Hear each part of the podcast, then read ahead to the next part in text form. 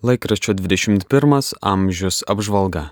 Naujausias 21 amžiaus numeris pradedamas reportažu apie praėjusį šeštadienį Romoje vykusią vyskupo Rolando Makritsko konsekraciją, spausdinama šventose mišiose jo pagrindinio konsekruotojo popiežiaus valstybės sekretoriaus kardinolo Pietro Parolino pasakyta homilyje.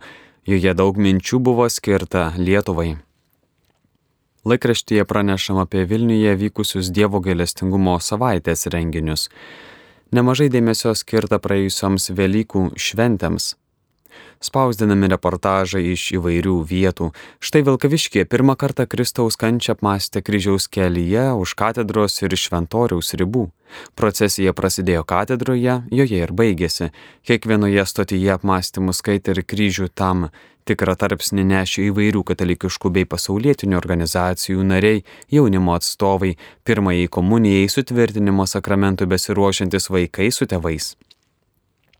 Kryžiaus kelio procesiją sumanė katedros administratorius Vilkaviškio dekanas kuningas Virginijus Gražulevičius, kartu ėjo ir kiti du parapijos kunigai - Davidas Baumela ir prelatas Vytautas Gustaitis.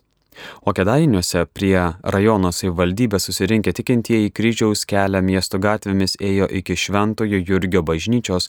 Šios parapijos klebonas kuningas Artūras Stanevičius pirmą kartą tokią procesiją suorganizavo dar 2011 metais. Jurbarke kryžiaus kelio procesiją vėl surengė klebonas dekanas kunigas Darius Auglys.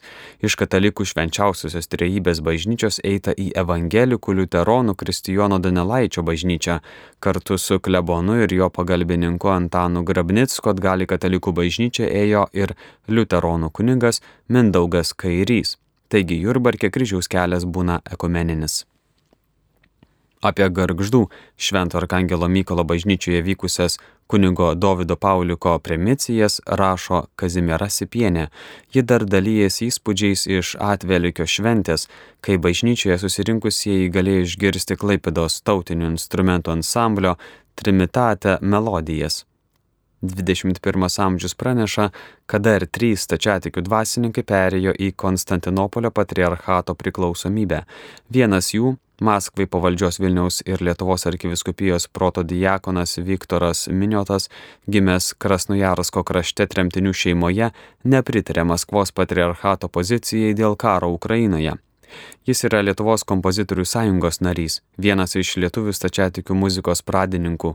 Kiti du kunigai Georgijus Rojus ir Aleksandras Kuchta.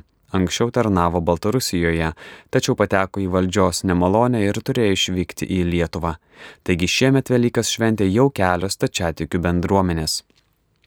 21 amžius rašo, kad Kaune stačiatikius, nenorinčius priklausyti Maskvai pavaldžiai bendruomeniai, Konstantinopolio patriarchato kunigai sekmadieniais nuo šiol kviečia melstis Kristaus prisikelimo mažojoje katalikų bažnyčioje.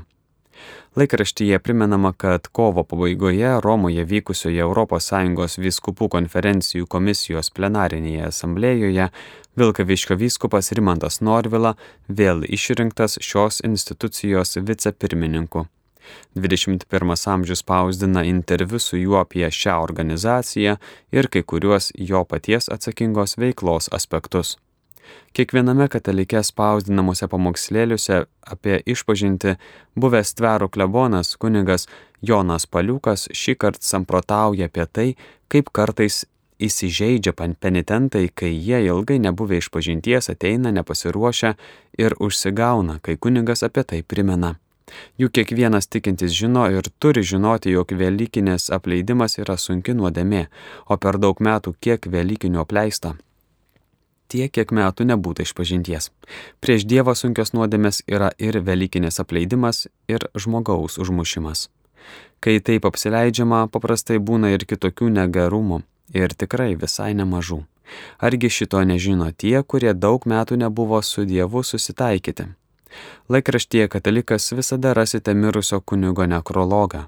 Šį kartą spausdinami neseniai mirusių kunigų jėzuito Kazimiero Ambraso ir monsinjoro Stasio Stankievičiaus nekrologai.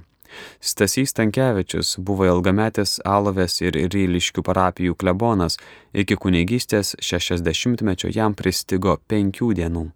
O kuningas Kazimieras Ambrasas, būdamas Vilniaus universiteto dėstytojų, baigė pogrindinę kunigų seminariją, kai 1988 rūpjūčio 17 dieną Skaistgiryje arkivyskupo Julijono Stepanavičiaus buvo išventintas kunigu, užsidėjęs kuprinę ant pečių, vėl grįžo dėstyti į universitetą o apie jo kunigystę net artimiausi žmonės, net brolis kunigas Konstantinas ir tėvas nežinojo.